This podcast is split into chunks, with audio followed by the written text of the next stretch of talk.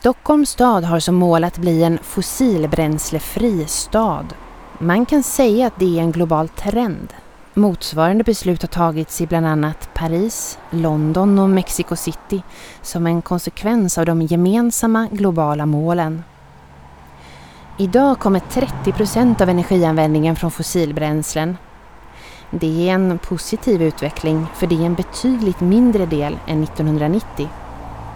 Men för att lyckas krävs att både kommunen, företag och privatpersoner ställer om i sin energianvändning på smarta sätt. Den största andelen av fossilbränslen i Stockholm kommer från hur vi producerar fjärrvärme. Förändringar i produktionen av fjärrvärme har störst påverkan när man vill minska utsläppen.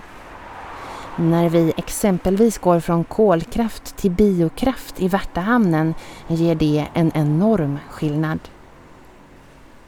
Men hur kommer det sig att vi inte redan har gjort det? Den näst största andelen av fossilbränslen är i transportsektorn och den tredje största från resor i bilar drivna av fossila bränslen. Låt oss testa en sak. En tankelek skulle man kunna kalla det. Ingen fara. Ingen omkring dig kommer att märka något. Stanna upp i tanken nu. Vilket väder har vi idag? Hur känner du av vinden, solen eller regnet? Se om du kan koncentrera dig bara på den upplevelsen.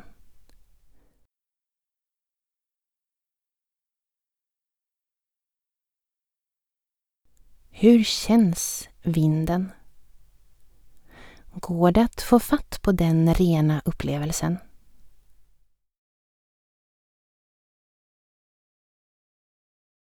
Nu när vi leker med det här vill jag bjuda in till, eller kanske utmana dig till en liknande lek. Vilken framtid ser du om ingen av oss gör något för att ta bort fossila bränslen i Stockholm? Hur ser den här strandpromenaden ut om ett år? Hur tror du att det märks om fem år? Hur ser det ut om 13 år, år 2030?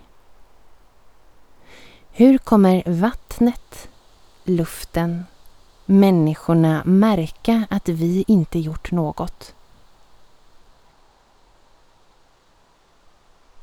Dagens tonåringar kommer att vara vuxna i början på sin karriär. Hur ser deras stad ut? Vad får du för bild?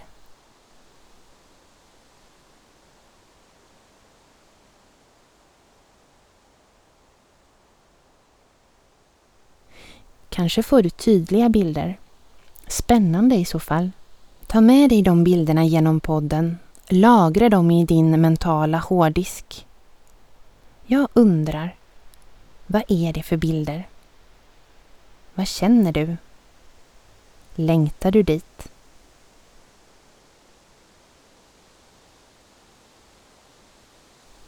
Men för oss som inte ser något, det är inte så konstigt. Det är inte så lätt att göra sig bilder av framtiden som inte är skapade i filmer.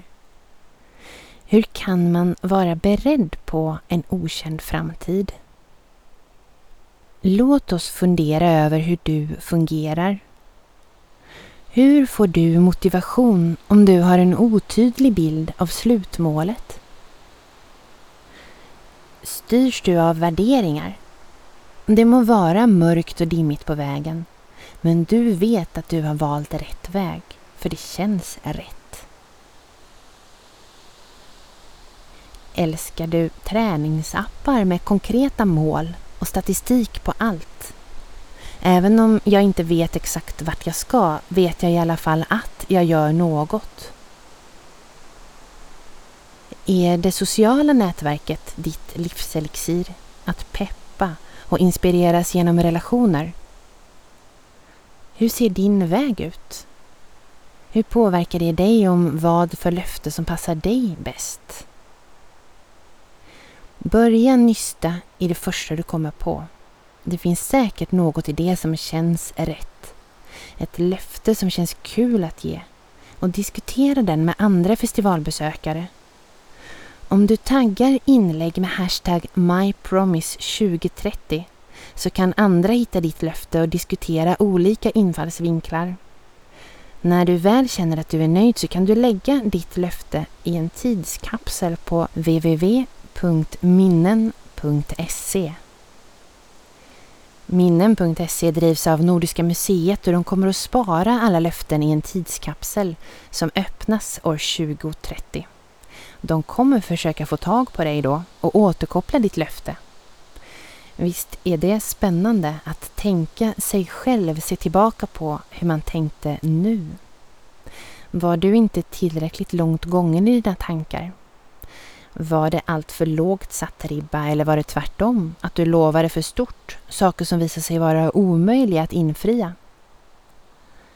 Det är omöjligt för oss idag att veta vad som är helt rätt.